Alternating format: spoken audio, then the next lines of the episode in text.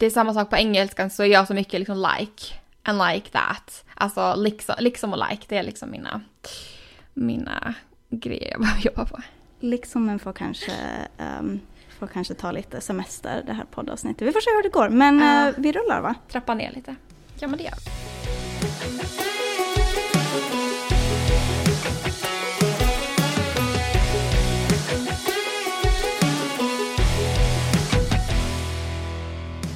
Hej och välkomna till andra avsnittet av På andra sidan Atlanten med Amanda och Linn. Woho! Yeah. Yay!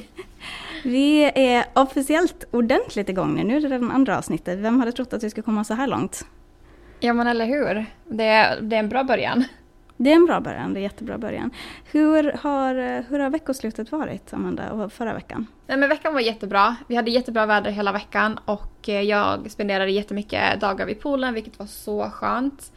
Um, alltså vi hade 30 grader varmt och det var också jättehög luftfuktighet så det var alltså riktigt, riktigt varmt så man ville liksom bara ligga i poolen typ hela tiden. Ja, det låter som här då. ja men verkligen och vi lär väl ha det här så här nu till typ augusti, september misstänker jag för så har det varit de senaste, senaste två åren. Eh, Men det var verkligen jättebra, eh, skön liksom vecka. Sen på fredagen så hade vi ju vår spelkväll med ett kompispar. Och Ja, just det. Hur gick det? ja men det var jättekul och jag fick också förfrågan att vara brudtärna på hennes bröllop. Åh, Ja, jag, spa- kul! jag sparade det här liksom till podden så att jag skulle få höra din liksom, alltså vet du, din Ja, reaktion. vilket...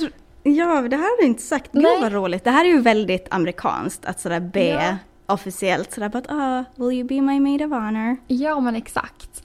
Och vad heter Fick det? du en officiell förfrågan? Ja, så jag fick ju en presentlåda. Alltså väldigt amerikanskt. Det här är ju andra gången, eller det är väl egentligen te- alltså, tredje gången som jag är brudtärna. Första gången var jag, jag tror det var typ åtta år, nio år kanske. Men liksom på vuxna dagar så det här är mitt andra bröllop. Ehm, så det, var, det är verkligen jättekul. Eh, så jag fick, nej men det var en jättefin så här, present, eh, flera olika grejer där i.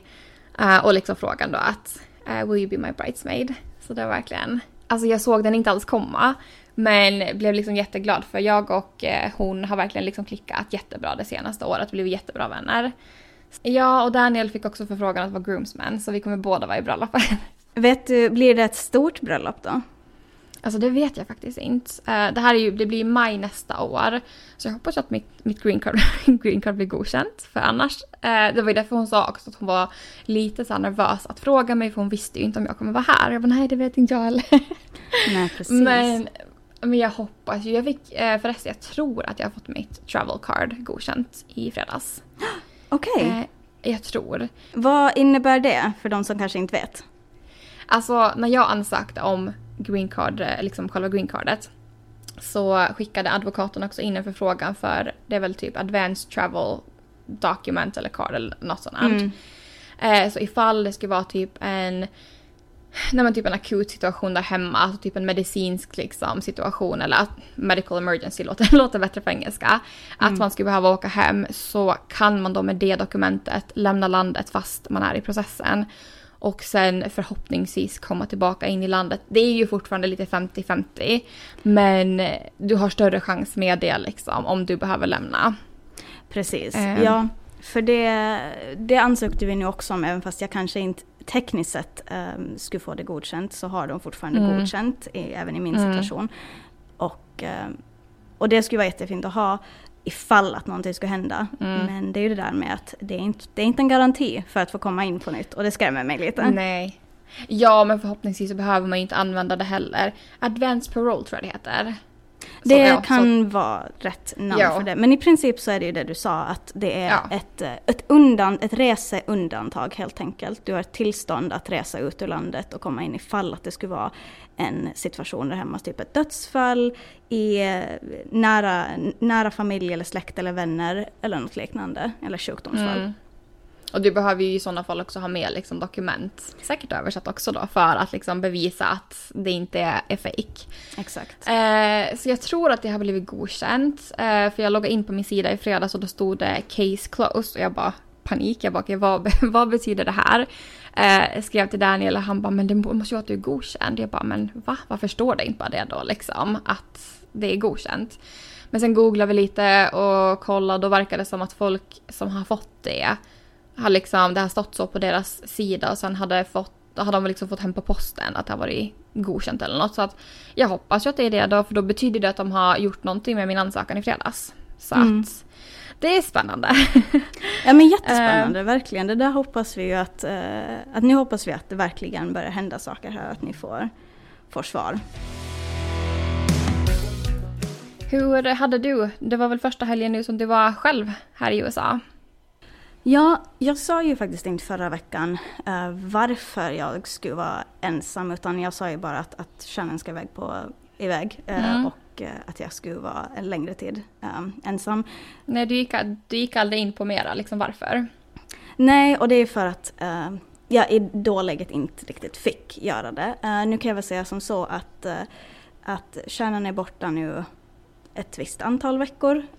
Hon är utanför USA på ett eh, på engelska så kallas det för deployment, för kärnan alltså min fru, hon är ehm, hon jobbar också för eh, det amerikanska flygvapnet. Och hon är nu på, på deployment, alltså militär uppdrag, militärjobb utanför USA. Det är därför som jag kommer att, eller är ensam nu och kommer att vara ensam ett litet tag till. Så ja, så det här var första helgen. Ehm, och eh, det var väl en liten pers måste jag ändå säga. Är det så? Ja, för ehm, um, fredags morgon så var jag till parken med hundarna. Det började med att, att vår 14-åriga Shipu Milo ska, hoppa, Milo ska hoppa från en träkloss till en större träkloss som de har i parken. Och normalt sett så brukar han klara det ganska bra. Ibland så, så snubblar han lite och sådär. Men nu tog han en nu gjorde han en jättedålig riskbedömning och eh, kraschade liksom in och föll och slog sitt vänstra framben ganska illa. Men stackarn. Ja, det var jättehemskt. Han lät så ledsen när det hände. Så Ja. att jag bara plockade upp honom, kände lite på benet så där för att se liksom att vad kan ha hänt här nu. Um, så fort han kom upp i famnen så lugnade han ner sig. Men han har då haltat eh, sen dess. Nu börjar han äntligen bli lite bättre. Han verkar inte ha ont, för jag har i flera omgångar liksom försökt stretcha benet, jag har försökt sätta lite mer tyngd på det. Han, det finns, det verkar inte... Eller jag kan nästan garanterat säga att ingenting är brutet. Jag, vi tror att han har stukat benet eller eventuellt sträckt en muskel. Men eh, nu har han börjat bli lite bättre. Men det var ju verkligen en sån här grej att ah, nej, för då var ju frågan ska jag ta honom till veterinären? Jag ville avvakta lite. Mest för att han inte verkade ha ont, ont. Mm. Um, och, så jag avvaktade lite då. Um, och under, sen kom nästa grej och det var lördag morgon som jag skulle ta ut båda. Bara, inte till parken utan bara ut för att göra sina behov och sådär. Och så ser Knut, vår ett och ett halvt åriga pitbull mix, ser han vår granne och blir superexalterad och springer upp för en trappa som vi har precis utanför vår ytterdörr. Och han springer upp supersnabbt och sen ska han springa ner supersnabbt och faller på hela ansiktet och skrapar upp hakan och båda frambenen. Um, alltså, och det var sådär att... nu. Ja, men han har återhämtat sig helt och hållet. Det var jag, jag rengjorde såren lite och sen har vi, tog vi bara lugnt. Eh, men jag har också haft ganska mycket problem med bihålorna den här helgen. Jag får, jag får väldigt lätt problem med bihålorna så fort jag är sjuk eller när jag har varit sjuk. Vilket jag var för ett par veckor sedan. Och nu kom det då såklart tillbaka så fort jag eh, var ensam med allt ansvar. Så att det har jag försökt hantera. Sitter fortfarande och debatterar om jag ska åka till um, hälsocentralen här, alltså urgent care, eller inte, för det är ganska mycket pengar. Ja, det kan ju bli ganska mycket kostnader som man inte alltså, hade planerat med. De kan säga ett pris i början och sen kan det handla om flera hundra, hundra lappar till. Men eh, vi kommer säkert att prata mer om, om hälsovården längre fram och liksom dedikera ett helt avsnitt till det för det finns väldigt mycket att säga om det. Absolut. Så att, ehm, men det var, det var bara lite egentligen en renovering. Det mer att jag ska bara dekorera och fixa klart det. En liten makeover. En liten makeover, så jag började rensa i sovrummet lite igår och ska fortsätta med det nu idag. Så länge mina bihålor håller, håller en hyfsat bra standard så klarar jag av att göra det mesta. Okej Amanda, nu har jag en fråga här som är... ehm, Vad ska du nu fråga? jag vet inte om jag ska kalla den för känslig, men eh, det är kanske lite exposed. Om vi ser som så. För jag undrar, eh, har du Okej. någonsin åkt fast för fortkörning? Ja. ja, det har Du jag. har det? Eh, det här är jätte, jättelänge sedan. Visste du om det eller? Nej! Jaha. En gång. Eh, och det här var 2014. Och det här har inte jag nämnt så jättemycket faktiskt. För att, ja, nu spelar det ingen roll. Men det här var i processen. Jag ska åka som au pair. Eh, och jag var liksom i, jag var inte i matchningsprocessen ännu med att liksom hitta en familj. Det var liksom i steget före så ja, de väntar, alltså organisationen som jag åkte med väntade bara på att jag skulle säga att jag var good to go, att liksom hamna i matchningsprocessen. Och precis då blev jag av med körkortet. Du blev av med körkortet. Jag blev av med körkortet. Amanda. Jag Not my proudest moment. Jag blev av med körkortet och jag tror att jag var av med det i två, tre månader. Oj. Jag skulle egentligen ha varit av med det längre, men eh, jag förklarar min situation. Eh, det var, ja, var det så att det gick upp i rättegång, men jag var inte där. Eller det var någonting sånt, för det var liksom... Våld... Nej men vänta, vad... Hur... Det är bra att du kommer ihåg det här känner jag. Ja men det här var ju trauma. Det här är nästan tio år sedan men det var liksom, ehm, ja, allvarligt vållande av trafiksäkerheten. Stod det i tidningen. Det här var liksom på kvällen, det var inte mycket folk, ingen trafik ute alls. Eh, och det var liksom på sommaren, det var jätteljust och jag gjorde en omkörning som var lite för fort. Det var det. Um, och det var ju därför då som jag hade så hög fart. Det är inte att jag ligger och kör så där fort annat heller, annars heller liksom. Eh, men jag blev liksom av med körkortet. I och med det så pausades ju hela min au pair liksom. Jag kunde ju inte hamna in i matchningsprocessen för hade jag hittat en familj, ja men jag var inte redo att resa för du måste ju ha ett internationellt körkort för att få göra den här au pair-resan. Eh, och det kan du ju inte få om du inte har ditt fysiska körkort, i handen. Eh, så ja, jag har blivit av med körkortet och ja, jag har åkt fast för fortkörning som, som svar på din fråga. Oavsett om du åkte fast för fortkörning och blev av med körkortet så kan jag tänka mig att dina böter i alla fall låg ganska rimligt. I alla fall i jämförelse med det som jag nu tänker berätta, vilket är en nyhet som kom här igår. Eh, nu spelar vi in på måndags, den kom i, eh, söndags alltså. Ehm, för de som känner till Åland och för de som bor på Åland vet ju såklart vem ehm, Anders Wiklöf är. Ja. Han är filantrop, han är eh, Eh, väldigt, väldigt omtyckt, eh, Ålands rikaste man. Och eh, den nyheten som kom här nu då var ju att han för tredje gången åkte fast för fortkörning. Och för de som inte är från Finland eh, och som inte har koll på, på hur bötessystemet fungerar här så är det alltså progressivt, vilket, vilket vi tror att det är rätt ord nu, vi diskuterade det här lite innan. Ehm, vilket betyder att att din böter, ditt bötesbelopp, alltså bötessumman, um, beror på hur mycket du tjänar. Och det betyder att jag som, som, om jag skulle köra för fort, vilket jag faktiskt inte har gjort, jag har faktiskt inte fått något mer än en parkeringsbot.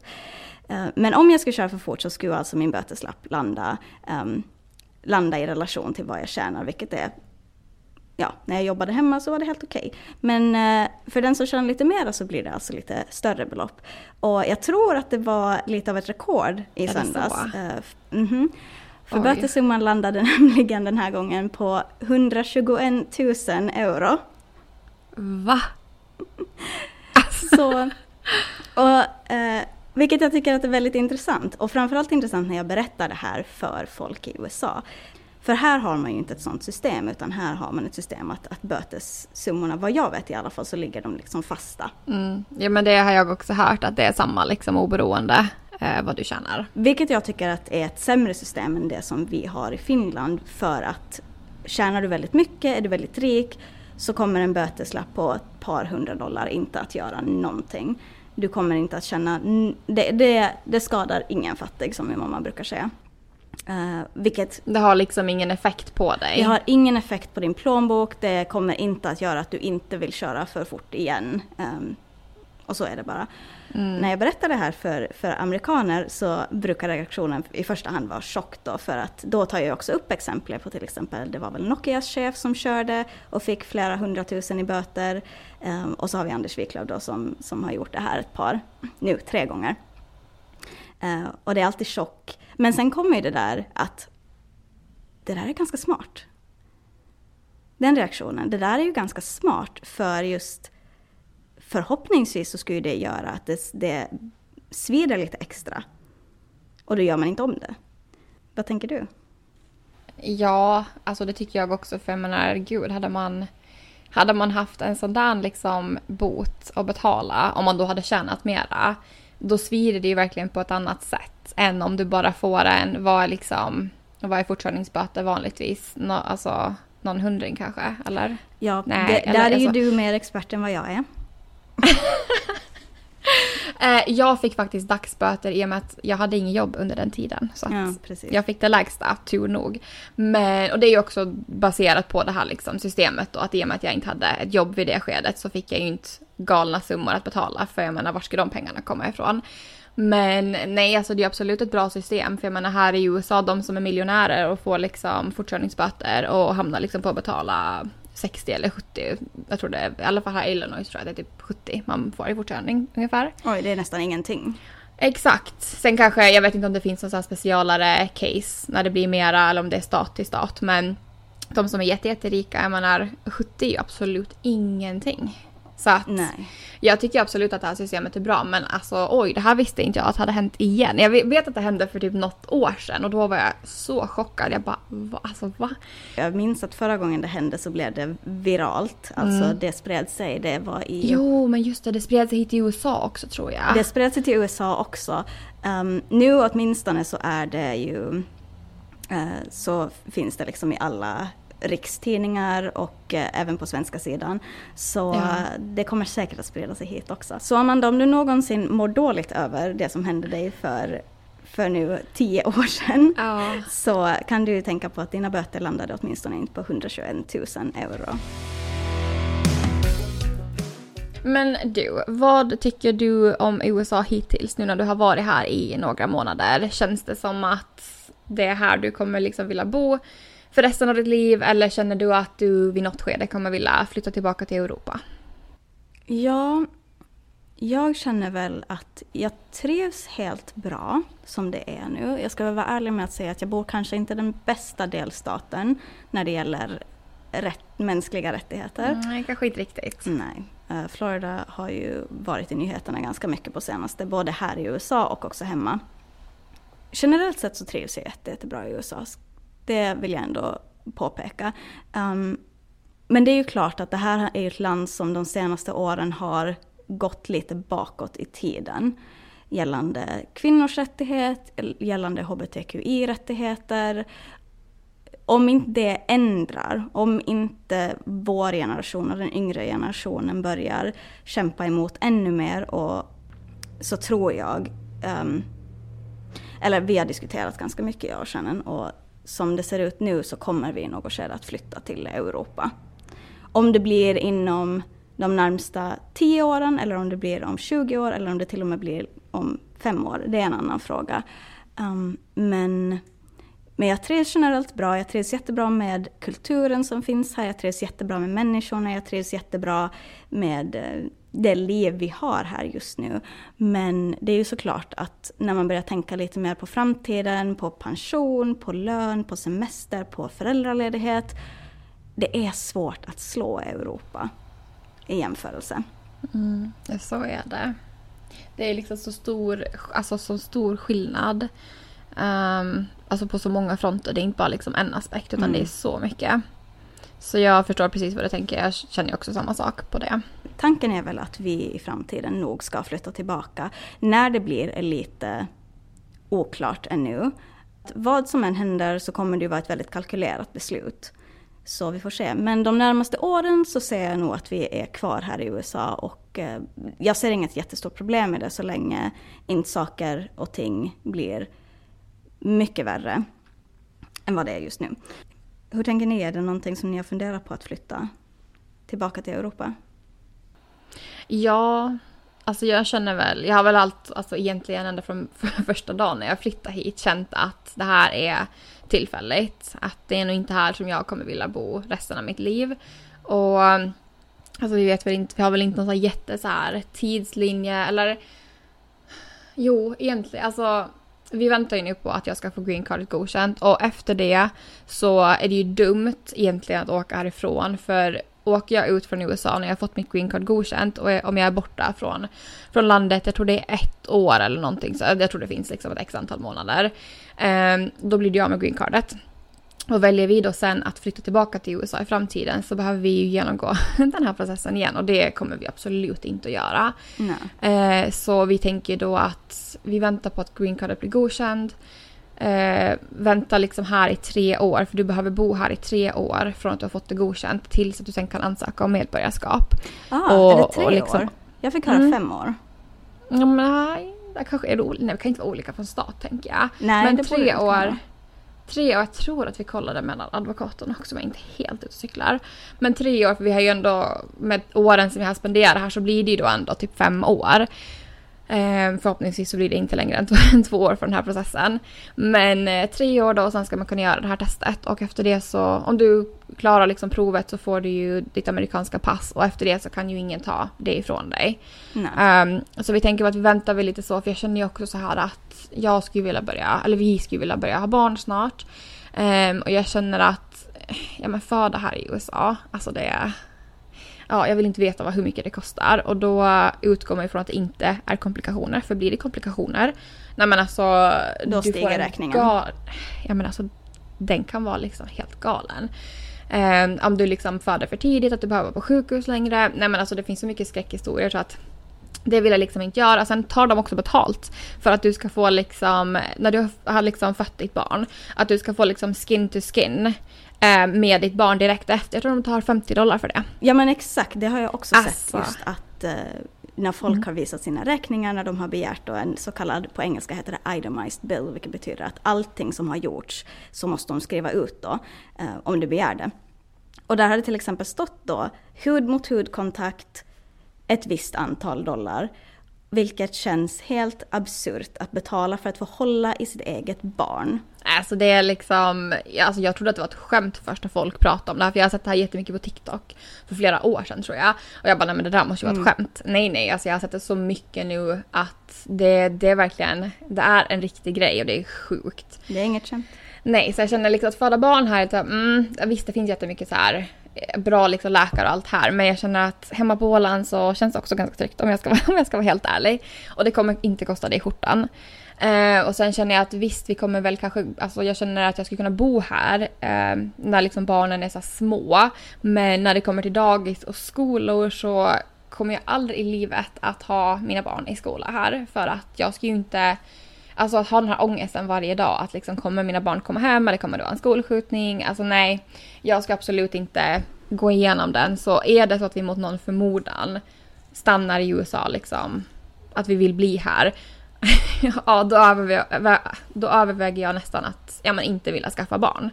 Eh, för den mm. orsaken, för jag liksom känner så starkt kring det. Så vi får väl lite se. Men, men vi båda vill ju ändå ha barn så jag tror absolut att eh, det kanske blir en flytt i Europa här inom kanske fem år eller någonting sånt. Um, och ja, men sen känner jag också med jobb och sånt att visst det finns jättemycket fler jobbmöjligheter här. Men när du börjar ett jobb här så får du ju ett antal sick days. Och det är ju ingenting som folk där hemma är så bekanta med. Men det är liksom, du får ett antal alltså sjukdagar. Så jag vet inte hur många, jag tror det beror på företag till företag. Men du får, alltså det är mm. ett, ett, antal dagar som du har rätt att vara sjuk på under året. Så får du magsjuka till exempel och du behöver vara borta fem dagar. Ja, då går det från dina alltså sick days. Och sen mm. är det så att man liksom, jag menar, vissa har ju liksom, behöver vara hemma med mensvärk och, och liksom sånt och får du migräner och sånt, jag menar då kan du ju inte jobba. Eh, nej men då går det från dina sjukdagar och är det så att du eh, får slut på de dagarna så börjar det sen tas från din semester. Och här så har man ju heller inte fyra veckors sommarsemester och en veckas vintersemester som det är här, alltså där hemma. Eh, utan här tror jag det är ganska vanligt, typ två veckor. Och jag, jag tror att det beror lite på för, alltså från företag till företag om den är helt betald också. För det är inte heller en hundraprocentig garanti. Så att det är ganska sådana här stora faktorer som väger in. Eh, och sen mammaledigheten, men gud, där ska vi inte ens gå in, gå in på detaljer. Men, men jag har ju kompisar som liksom har fått, har fått barn och eh, hon behövde vara tillbaka på jobbet eh, två veckor efter hon hade fått. Och då är det också värt att nämna med just alla så här semester och föräldraledighet. Inga företag måste erbjuda Mm. dig eh, sjukdagar, de måste inte erbjuda dig semester, betald semester, de måste absolut inte erbjuda dig föräldraledighet. Och ehm, till exempel Shannons jobb är ett jobb som hon har inga sjukdagar utan om hon är sjuk så tas det från något som kallas för PTO, alltså personal time off, personlig eh, tid Mm. borta. Och det är ju i princip också hennes semesterdagar. Det är så sjukt. Alltså, I Europa, eller i alla fall liksom norra Europa, så är det ju lag på att du behöver ta semester. För att Mhm. annars blir man ju galen. Att du behöver liksom ta, du, du behöver ta semester. Och jag menar här i USA då, de företag som faktiskt ger två veckor, absolut jättebra, men två veckor, ofta så hinner man ju knappt liksom varva ner om det har varit mycket på jobbet. Jag menar två veckor är ju typ det man behöver för att liksom landa och varva ner, men sen behöver man ytterligare två veckor till för att liksom verkligen liksom kunna njuta av det. Och jag menar, som till exempel du och jag som bor i USA och som har familj hemma i Finland, att åka liksom hem dit är en ganska stor resa just med tidsskillnaden. Det tar länge att resa och ofta så behöver man ju också övernatta beroende på när flygen går. Eh, alltså övernattning då båda vägar. Att ibland så vill man ju, jag menar åker man då hem att man kanske åker en eller två gånger i året så kanske man vill vara hemma åtminstone tre veckor. Men så är det, för mig är det väl närmare 40 timmars resa varje gång jag ska ta mig hit eller härifrån. 40 timmar. Ja. Men går det inga direktflyg från Tampa eller? Det går direktflyg till andra europeiska städer. Jag räknade väl att senaste gången jag kom hit så, så tog det 38 timmar för mig att ta mig från mitt, mina föräldrars hus på Åland till vår lägenhet här i Tampa. Oj. Det är ganska länge. Det är ganska länge. Och då, var det, Mm. då valde jag faktiskt att göra en övernattning i London. För att det var den bästa rutten jag kunde ta. Mm. Alltså jag, nu när jag har flugit hit de här senaste gångerna så har jag... Eh, jag tror alla gånger faktiskt att jag har kört direktflyg. Just, när jag, just nu med, när corona var en grej så tog jag alltid direktflyg för att det var ju så osäkert med, med liksom coronatester och sånt i varje land. Så jag tog direktflyg och då är det ju åtta, åtta och en halv timme typ. Ehm, från liksom, och då flög jag faktiskt från Finland senaste gångerna. Men Stockholm så är det typ sju och en halv, åtta timmar ungefär. Ehm, så att, men man behöver ju oftast övernatta i Stockholm före. Eh, så att det blir ju liksom... Ja, för flyget går på Mm. morgonen eller på dagen va? Ja, precis. Det Mm. brukar gå där vid typ 11 på morgonen och då hinner man ju inte med båten Exakt. utan de måste ju sova i Sverige. Men, eh, men det är ändå liksom helt okej för det finns jättemycket direktflyg här från liksom Chicago till både Stockholm och Helsingfors. Och är det så att, ba- att jag behövt mellanlanda så har det varit i typ eh, Köpenhamn eller Oslo så det har varit väldigt nära. Ehm, att det inte har varit liksom så mycket, mycket liksom extra tid som har lagts till. Men ehm, det är ju ändå en lång resa.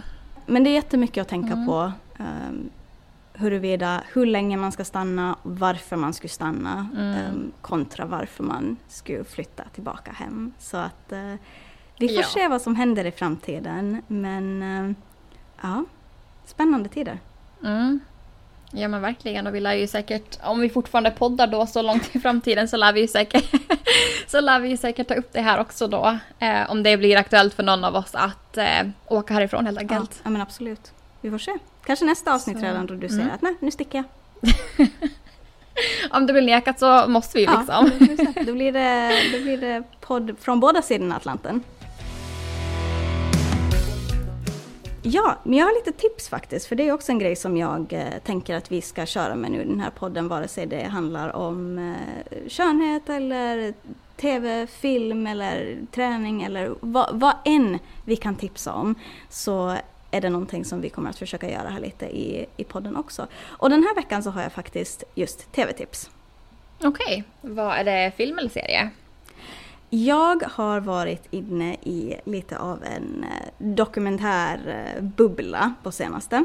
Eh, Jag, kommer ibland in, jag kommer ibland in i dem och eh, så kollar jag en massa olika dokumentärer.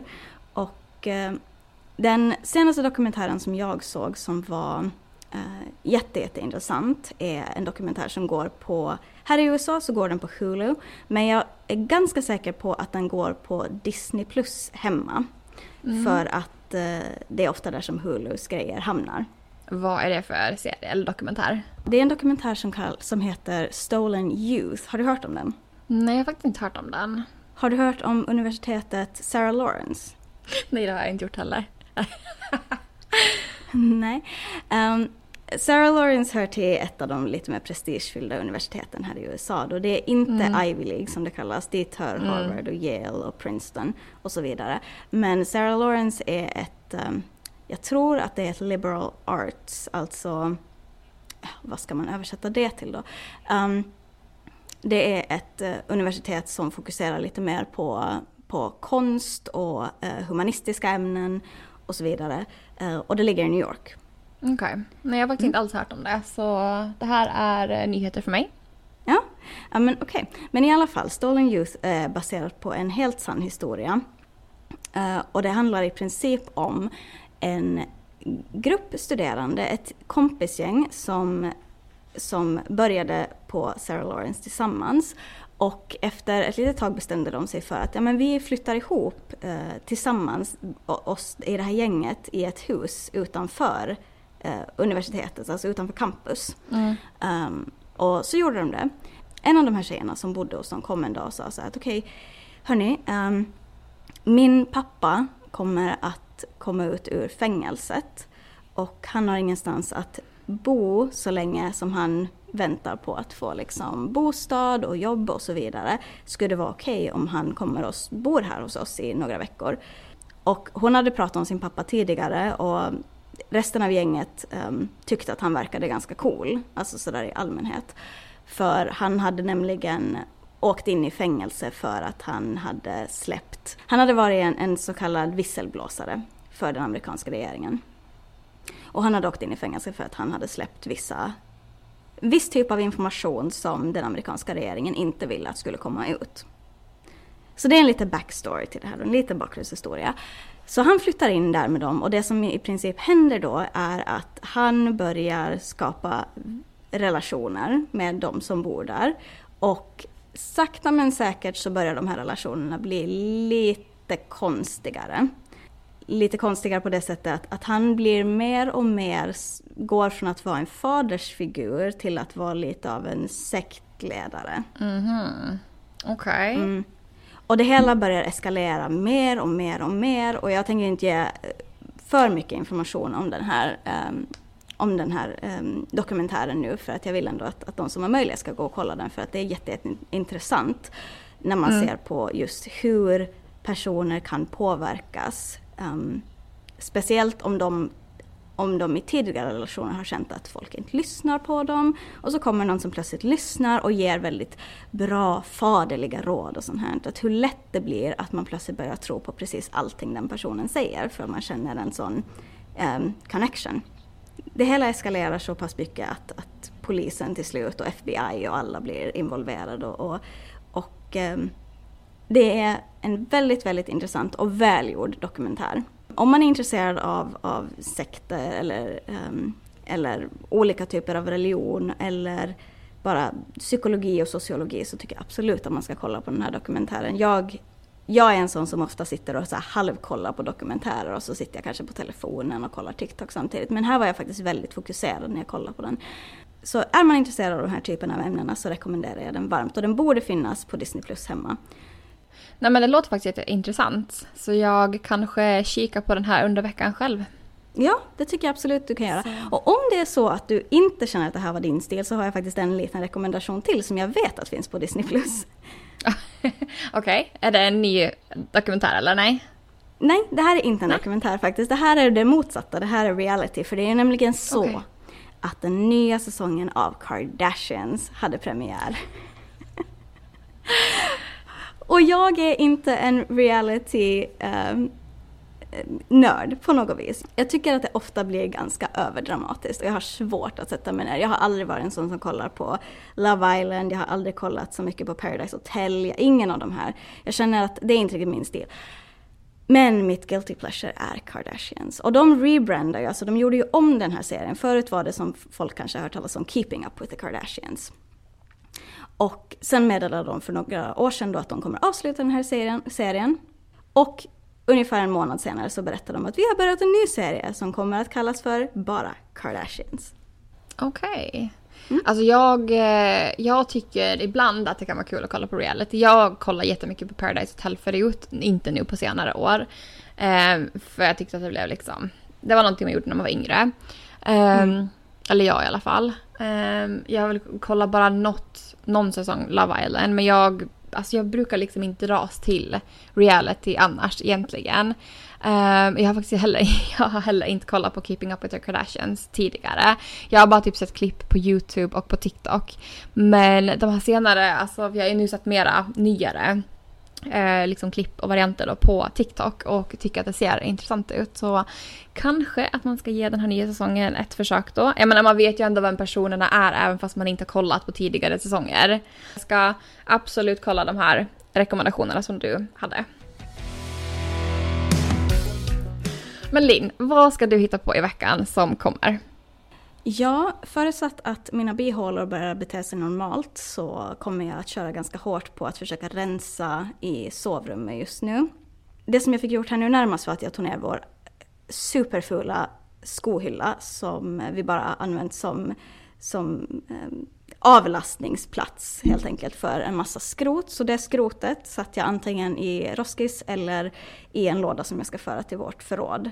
Så det ska jag göra och ska jag fortsätta med det. Jag måste också rensa i garderoben för att kunna lägga in de grejer som var på skohyllan som vi måste ha kvar. Så det är... Så jag har, två, jag har två skåp nu som jag ska ta tag i idag och sen blir det antagligen garderoben imorgon.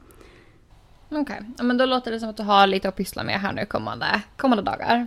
Ja, nej men så är det. Och så ska jag förhoppningsvis så börjar Milo bli så pass bra att jag kan börja ta dem till parken igen för att de ska få ut lite energi. Och eh, mm. ja, men det är väl det. Hela veckan kommer att gå åt att försöka organisera och fixa och dona i lägenheten. Och förhoppningsvis så, så blir jag också frisk snart och hundarna blir det. Och ja, då mm. kommer det bara vara skönt att ha någonting att göra. Hur ser det ut för dig då i veckan? Eh, nej men jag har inte så mycket inbokat alls den här veckan, vilket är skönt. Jag tror att jag kommer spendera mycket tid vid poolen, säkert läsa böcker där och, och jobba på brännan. Idag är det ganska mulet och jag tror inte att jag kommer gå iväg eh, på eftermiddagen. Men eh, det ska vara varmt hela veckan så jag tänker att det blir väl det jag kommer göra. Eh, vi håller också, eller vi har faktiskt fått hem bilder från en fotografering som vi gjorde i Chicago för typ någon vecka sedan. Ah, cool. Så vi fick hem dem här i, i, veck, äh, men i helgen men eh, våra ramar har inte kommit ännu för vi beställde dem från Amazon. Så jag tror att de ska komma här på onsdag. Eh, så då tänker jag att jag ska fixa med det och typ möblera, äh, och möblera om lite på väggarna i vardagsrummet. För vi tänker att vi ska hänga upp lite familjefoton då som vi tog. Um, så det ska bli kul att pyssla med det. Vad bra att du påminner mig, för det ska jag också försöka ta lite. Vi har ju bilder från, eh, från vårt bröllop och vi har bilder från vår förlovning som eh, ännu bara finns digitalt, men det skulle vara kul att få upp lite. Jag är ju inte en person som brukar sätta eller som är sådär jätte, jätte, oh jag vill ha en massa familjefoton på väggarna. Jag vill mest ha abstrakta streck och, och sånt här mm. på, på, i mina ramar. Men eh, jag tänkte att det skulle vara kul med några svartvita bilder på oss mm. också. Det hade ju varit jättefint. Eh, alltså jag, vi, vi har faktiskt inte några familjefoton alls uppe i vår lägenhet. Eh, eller jo, vi har en från en här i bokhyllan eh, som vi har från när vi gifte oss då för fyra år sedan. Men det är ju bara något litet liksom. Det är, det är ju ingenting som vi har ute i vardagsrummet. Men vi har pratat om att vi skulle vilja ta bilder men vi har bara liksom inte haft bra bilder att rama in. Men nu när vi liksom tog alltså professionella bilder med en eh, fotograf så blev de jättebra. Vi blev jättenöjda med dem så vi beställde faktiskt hem fyra stycken. Så, så det kommer bli lite kul att ha det, att det blir liksom lite mera men som ett så hem, lite mer personligt på något sätt. Mm. Um, sen lär vi väl säkert inte lägga upp allt för mycket bilder liksom uh, down the line heller liksom, utan att ja, att liksom med några så här speciella. Och vi har Frost med på en bild också så att det liksom är, representerar hela familjen. Men okej, okay, ska vi ta och börja runda av avsnittet? Ja, men det tycker jag att vi kan göra så att vi får, eh, så att vi får börja göra annat också. Jag får komma ut under filten här. Just det, du har, du har fortfarande din lilla, din lilla koja, din poddkoja. Jag har fortfarande min lilla poddkoja, för de som lyssnar sitter jag alltså fortfarande i vardagsrummet under en filt. Så länge, så länge jag inte har sovrummet fixat ännu så är det här den lösningen som kommer att vara. Men eh, men jag ska väl börja fortsätta mitt, mitt projekt nu då och du ska få um, ta och mysa lite med Frost som har varit jätteduktig under det här poddavsnittet ja. måste jag säga. Han har varit jätteduktig. Vi har ju tagit av eh, trattarna. Alltså han har haft, jag vet inte om jag nämnde det i förra avsnittet, men han har ju inte bara haft en tratt utan han har ju haft två trattar på sig. I och med mm. att han lyckades få av sig ena tratten eh, efter kastreringen.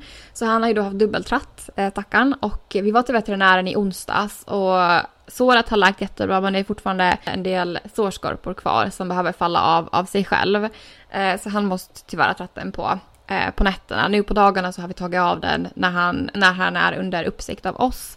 Att han inte liksom går och slickar och börjar bita bort den själv. Eh, så i morse var vi faktiskt ute på en lång promenad utan trattarna och jag tror att det tröttade ut honom ganska bra så det är, därför han har varit, det är därför han har varit så tyst och lugn nu när vi har poddat. Det var, det var lite annat förra veckan eh, när vi hörde honom i typ varje klipp. Men Nej men eh, det låter bra, det känns som en bra plan att han har ju varit jätteduktig nu så förhoppningsvis så håller sig alla våra hundar lugna framöver också. Ja. Men, men som sagt, nu börjar det vara dags att avsluta. Eh, tusen tack till alla som har lyssnat. Är det så att ni har några frågor eller funderingar? Jag har fått in några. Eh, okay frågor och funderingar faktiskt som jag tänkte att vi skulle kunna ta upp lite i nästa avsnitt. Några har att göra med USA, några har att göra sådär allmänt med, eh, med oss bara. Okej, okay. kul. Så jag tänker att eh, fortsätt att eh, höra av er med, eh, med era funderingar och saker som ni vill att vi ska prata om. Ni hittar oss på Instagram under andra bottenstreck sidan bottenstreck Atlanten. Där har ni också länkar till våra personliga Instagramkonton om ni vill följa med lite bakom, bakom scenerna vad vi hittar på här i USA. Är man inte jätteintresserad av sociala medier så har vi också en mailadress som är på andra sidan Atlanten gmail.com. Där kan man också mejla sina frågor och funderingar. Eh, eller kritik får man också göra. kritik är också välkommet. det är välkommet. Desto konstruktivare desto bättre. Men ja, jättekul att ni har lyssnat och eh, så hoppas vi att vi hörs igen nästa onsdag. Ja. Ha det så bra så hörs vi. Ha det så bra. Hej. Hej då.